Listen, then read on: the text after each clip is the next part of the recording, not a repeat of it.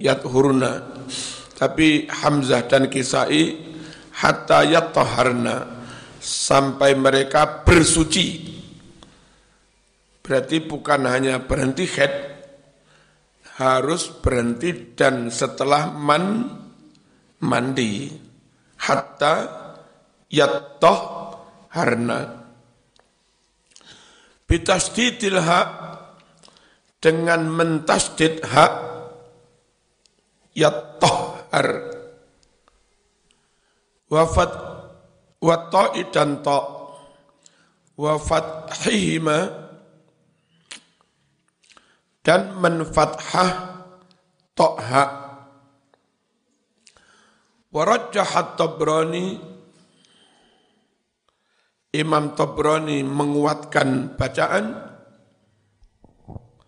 Qira'ata tasdidi to bacaan dengan mentasdid to yattahharna itu menurut beliau riwayatnya sangat kuat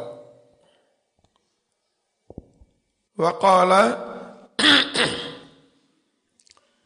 Hiya bimakna yaghtasilna.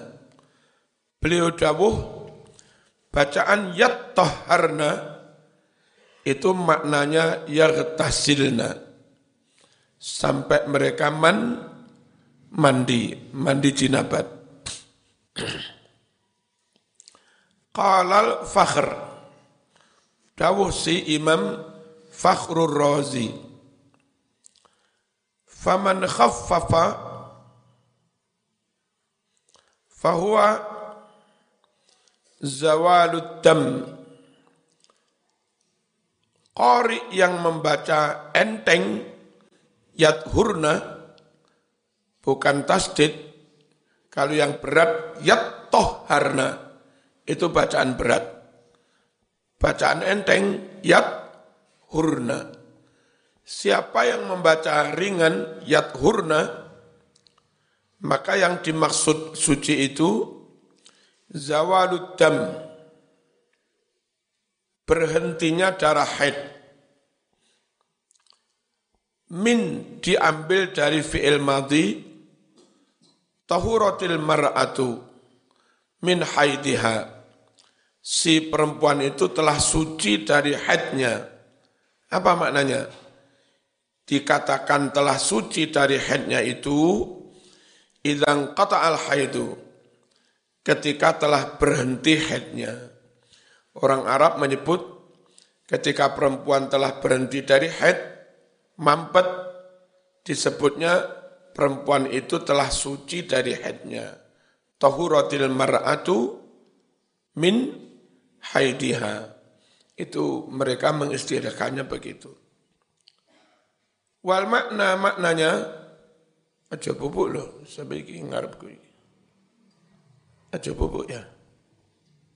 La taqrabuhunna jangan kalian dekat-dekat para istri yang haid itu hatta yazula hingga mampet anhunna dari mereka ada darah. Nah, tidak harus setelah mandi. Yang penting mampet. Ini berdasar bacaan yat hurna. Tapi kita nggak boleh mengabaikan bacaan yat toharna. Sampai mereka bersuci. Berarti mampet dan bersuci. Mandi. Wa man qara'a tasdid dan barang siapa membaca dengan tasdid yattaharna fahuwa ala makna yatataharna. Bacaan itu maknanya sama dengan yatataharna. Mereka bersuci. Wujuhul i'rab macam-macam i'rab. Nisa'ukum harthul lakum utawi para istrimu Iku hartul lakum sawah ladang bagimu. Berarti nisa ini mubtada harthun kho kho khabar. Mubtadaun meniki wa mestinya. Wa khabar. Ini mubtada dan khabar. Bukan au ya. Mubtadaun wa khabar. Faktu halsakum anna syi'tum. Apa maknanya anna? Kalimatu anna ta'ti fil lughatil arabiyyah bimakna min aina. Lafaz anna dalam bahasa Arab datang dengan maknanya min aina. Berarti annas itu maknanya dari arah mana pun kamu mau. Itu makna lafad anna syi'tum.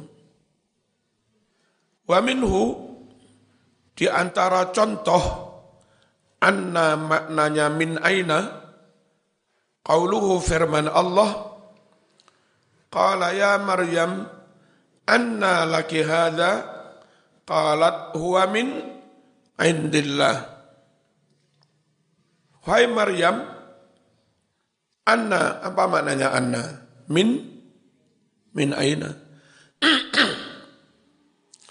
Anna dari mana hada makanan ini laki, bagimu Anna laki hada. Ini Muhammad Maryam itu dari kecil sudah punya karomah kayak jadi wali nggak musim apel, tahu-tahu di sampingnya ada apel. Sampai orang-orang heran, dari mana datangnya makanan ini? Min aina anna laki haza. Maknanya, min aina laki haza ta'am. Ay maksudnya, min aina. maknanya min aina. Watati bimakna mata wa kaifa. Watati datang pula lafat anna dengan maknanya lafat mata, berarti kapan. wa kaifa juga dengan maknanya lafat kaifa, berarti maknanya bagaimanapun kamu mau. Nah, maknanya tiga an-nasitum itu. Dari mana pun kamu mau, kapan pun kamu mau, bagaimanapun kamu mau. Itu maknanya an, anna. Takulu kamu berucap, safir anna syikta.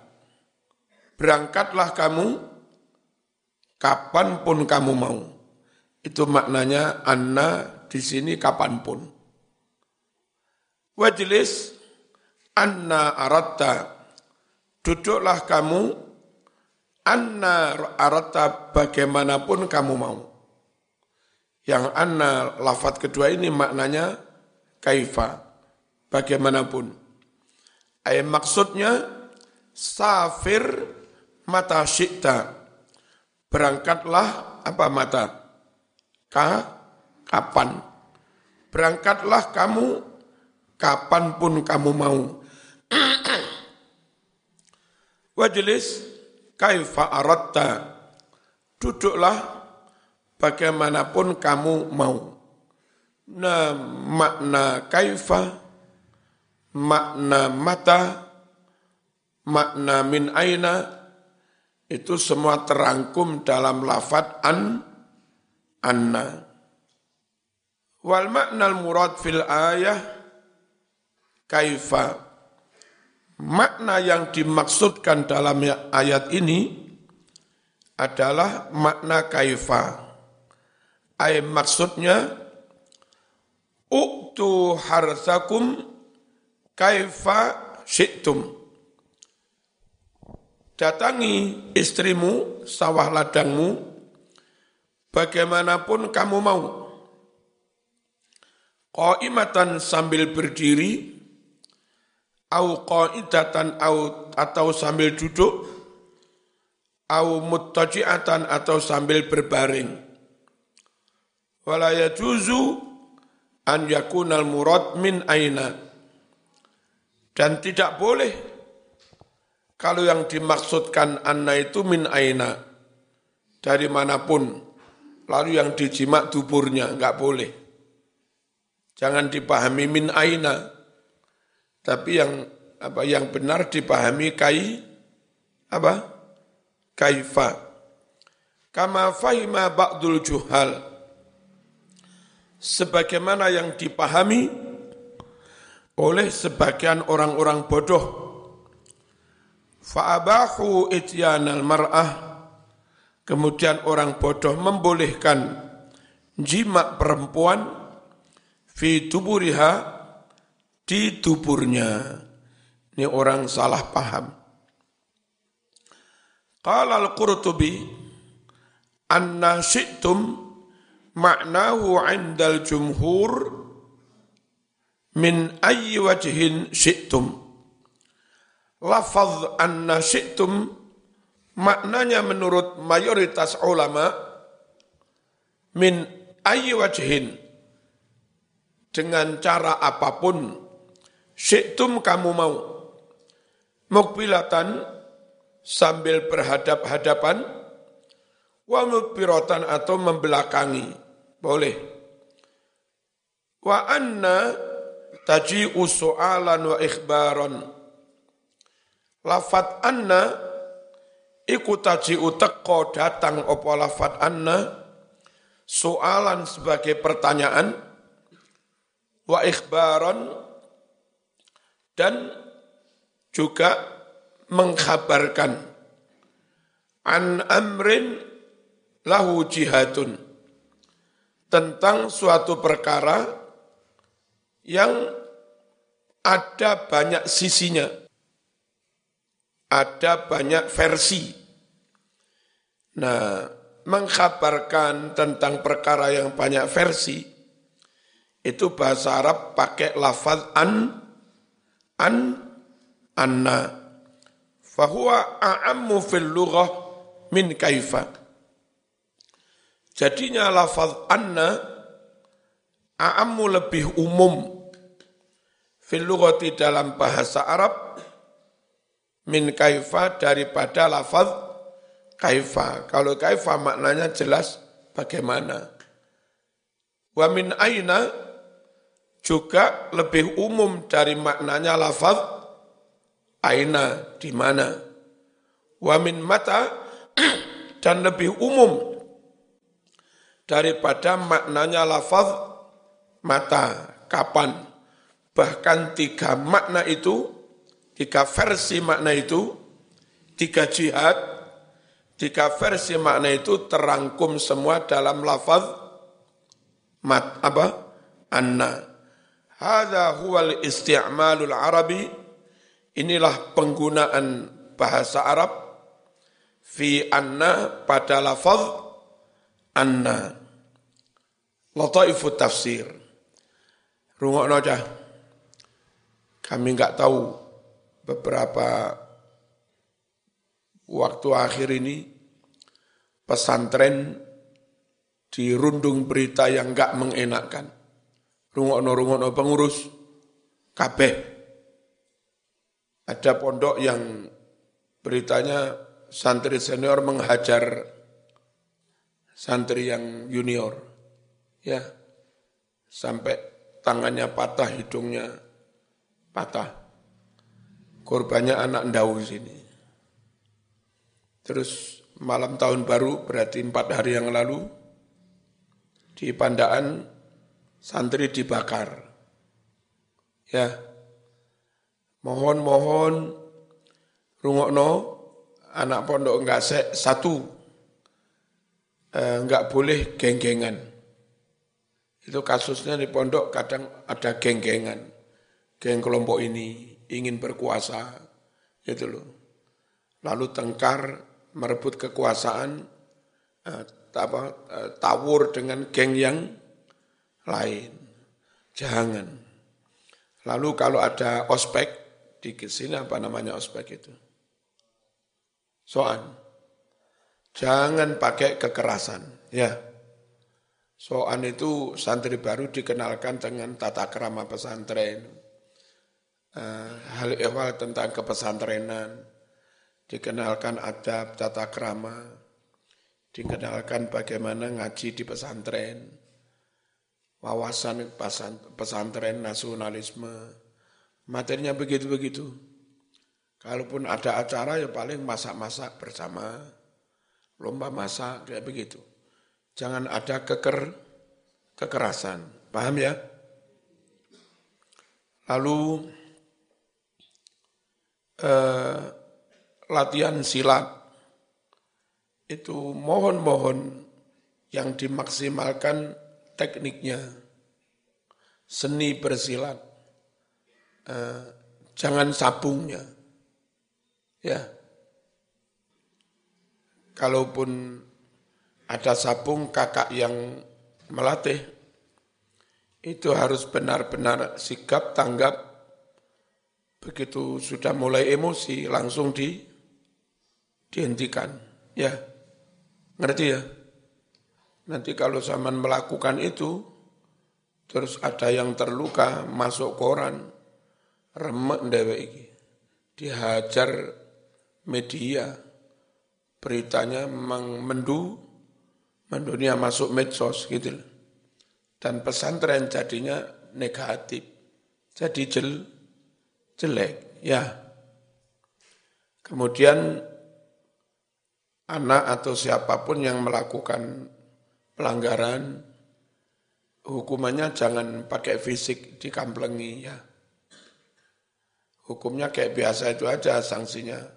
Suruh baca Quran, suruh nyapu, ya.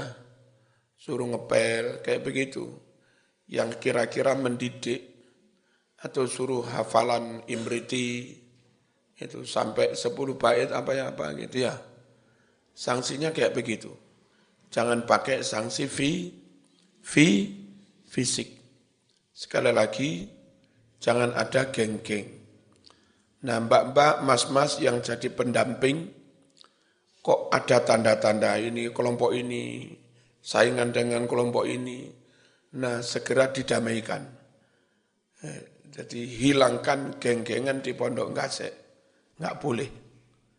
Kita satu, namanya semuanya Sabilur Rasyad, Nahdlatul Ulama, Islam, Indo, Indonesia. Manu, manu, manusia. Ya, kita bukan yang lain-lain. Saya kira begitu. Kok aneh begitu.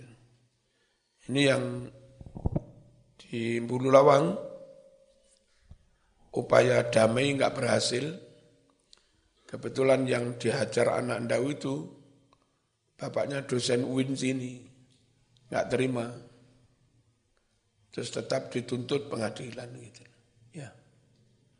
Itu kalau sampai kiainya masuk penjara gimana? Terus sopo sing mulang? Al-Fatihah.